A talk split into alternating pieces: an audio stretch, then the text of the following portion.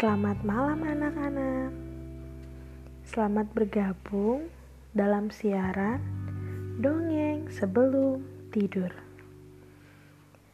Sebelum mendengarkan dongeng, Ibu mau tanya, apakah anak-anak sudah gosok gigi? Wah, hebat, sudah gosok gigi. Bagi yang belum, jangan lupa untuk gosok gigi ya. Nah, sekarang waktunya kita untuk dongeng sebelum tidur.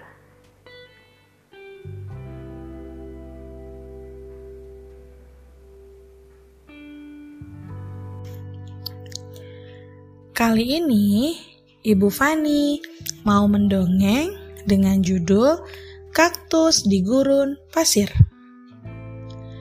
Di sebuah gurun pasir yang luas, ada tanaman kaktus yang kesepian. Ia hanya berdiri di bawah terik matahari dan tetap berdiri tanpa bisa berpindah-pindah. Ia tidak punya teman, hanya sesekali beberapa orang melintas dengan unta tanpa memperhatikannya. Kaktus sedih, batangnya yang berduri, daunnya yang kaku, dan bentuknya yang buruk membuatnya diabaikan. Seolah dirinya hanya menambah kekeringan di padang pasir. Dari kejauhan terdapat pohon palem yang sangat indah. Beberapa orang terkadang berhenti sebentar untuk berteduh dan beristirahat. Pohon palem membuat siapa pun yang duduk di bawahnya seperti sedang dikipasi oleh daun-daunnya. Kaktus ingin sekali menjadi pohon yang berguna bagi makhluk lain. Namun, seekor burung pun tidak bersedia hinggap di salah satu dahannya karena mereka takut tertusuk duri. Suatu hari, kaktus melihat seseorang menunggangi untanya. Ia beristirahat di bawah pohon palem Orang itu terlihat sangat lemas dan sulit untuk bergerak. Namun tiba-tiba, kaktus merasa ia sedang diperhatikan oleh orang itu. Orang itu bergerak dari bawah pohon palem, dan tanpa diduga oleh kaktus, orang tersebut bergerak menuju ke arahnya. Orang itu semakin dekat, namun jalannya tampak sangat lemah. Saat mendekat, Orang itu mengeluarkan sebuah pisau kecil, lalu kemudian memotong salah satu dahan kaktus. Kaktus pun merasakan sakit. Namun, kaktus kaget saat orang itu mengeluarkan air dari dahannya dan meminumnya. Kaktus sadar orang itu kehausan. Kaktus pun dengan senang hati memberi air dan merasa senang dapat bermanfaat bagi orang lain.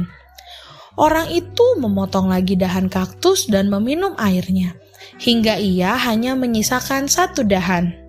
Saat itulah kaktus melihat orang itu menjadi lebih segar.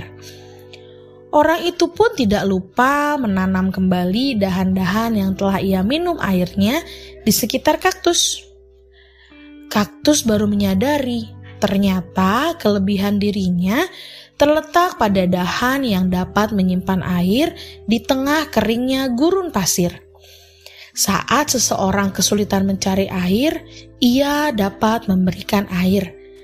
Kaktus pun merasa ia adalah tanaman paling bahagia karena dapat bermanfaat. Waktu berlalu begitu cepat. Kaktus telah memiliki dahan yang baru dan ia juga telah menyiapkan banyak air di dahan-dahannya jika sewaktu-waktu ada orang yang membutuhkan air darinya. Dan tak disangka, dahan-dahan yang pernah dipotong darinya sekarang telah tumbuh menjadi kaktus-kaktus kecil di sekelilingnya. Ia pun senang bukan kepalang. Ia kini tidak sendiri lagi. Di sisa satu dahannya yang dulu tidak dipotong oleh orang itu juga tumbuh mahkota bunga yang indah. Kaktus merasa sangat istimewa karena ternyata ia sangat cantik seperti bunga lainnya. Dari dongeng tersebut, kita belajar bahwa kita harus menolong orang lain dengan tulus. Sekian dongeng sebelum tidur kita hari ini. Selamat malam, selamat tidur. Tuhan Yesus memberkati.